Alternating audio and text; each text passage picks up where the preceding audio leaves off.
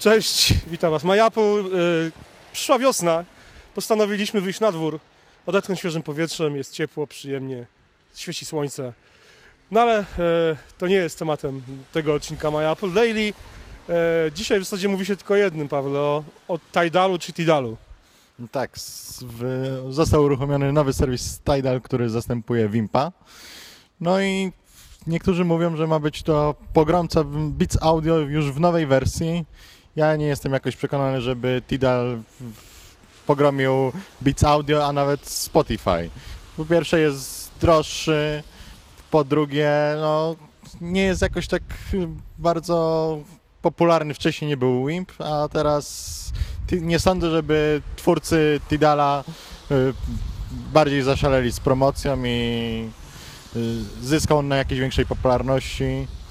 Jakoś dziś nie ma aż takiego znaczenia przy muzyce, skoro słuchamy jej na słuchawkach dołączonych do telefonu albo głośnikach streamujących muzykę w takich systemach multiroom, które naprawdę oferują już dobrą jakość przy Spotify'u. No to masz rację. Znaczy, wiesz, dużo się mówi o tej, o tej jakości bezstratnej, tam chyba pl- pliki typu FLAC. E, ja wielokrotnie już mówiłem i też wielokrotnie mnie hejtowano za to, że jak to możliwe, że muzykowi wystarcza Spotify na przykład jakość plików.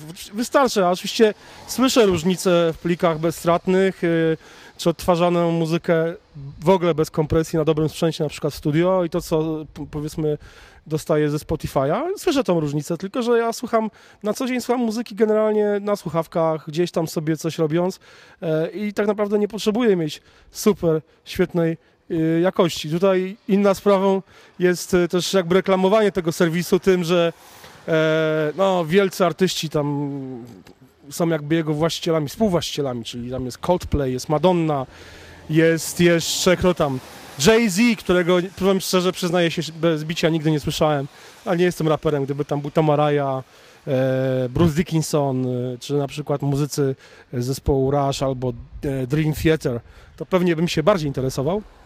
E, Ale uważam poza tym, że e, tego typu serwisy, tak jak sklepy, są dla słuchaczy i dla klientów, a nie dla muzyków. I e, nie wierzę w to osobiście, żeby na przykład Madonna zebrała wszystkie swoje utwory i przeniosła do Tidala czy tam Tidala i umożliwiła słuchanie czy pobieranie na żądanie jej utworów tylko przez ten serwis, bo po pierwsze Madonna jest wytwórni płytowej, to jest też biznes wytwórni płytowej. Poza tym Madonnie i wytwórni będzie zależało na tym, żeby sprzedać tę muzykę w każdy możliwy sposób, czyli będą te płyty wszędzie. Jak myślisz? No ja myślę, że rzeczywiście to jest tylko jakaś tam część poboczna. Ja stawiam na Spotify'a i Vimeo, jeśli chodzi o teledyski. Tutaj YouTube cały czas króluje w wideoklipach właśnie z aplikacją Vimeo, która na przykład super się ogląda na Apple TV. No, a jeśli chodzi o streaming muzyki, to Spotify'a w przyszłości usługa od Apple. Dobrze, słuchajcie, tyle na dzisiaj. E, przestał padać śnieg, więc robi się zimno. Idziemy, chowamy się do środka, żeby się trochę ogrzać. Trzymajcie się, na razie, cześć.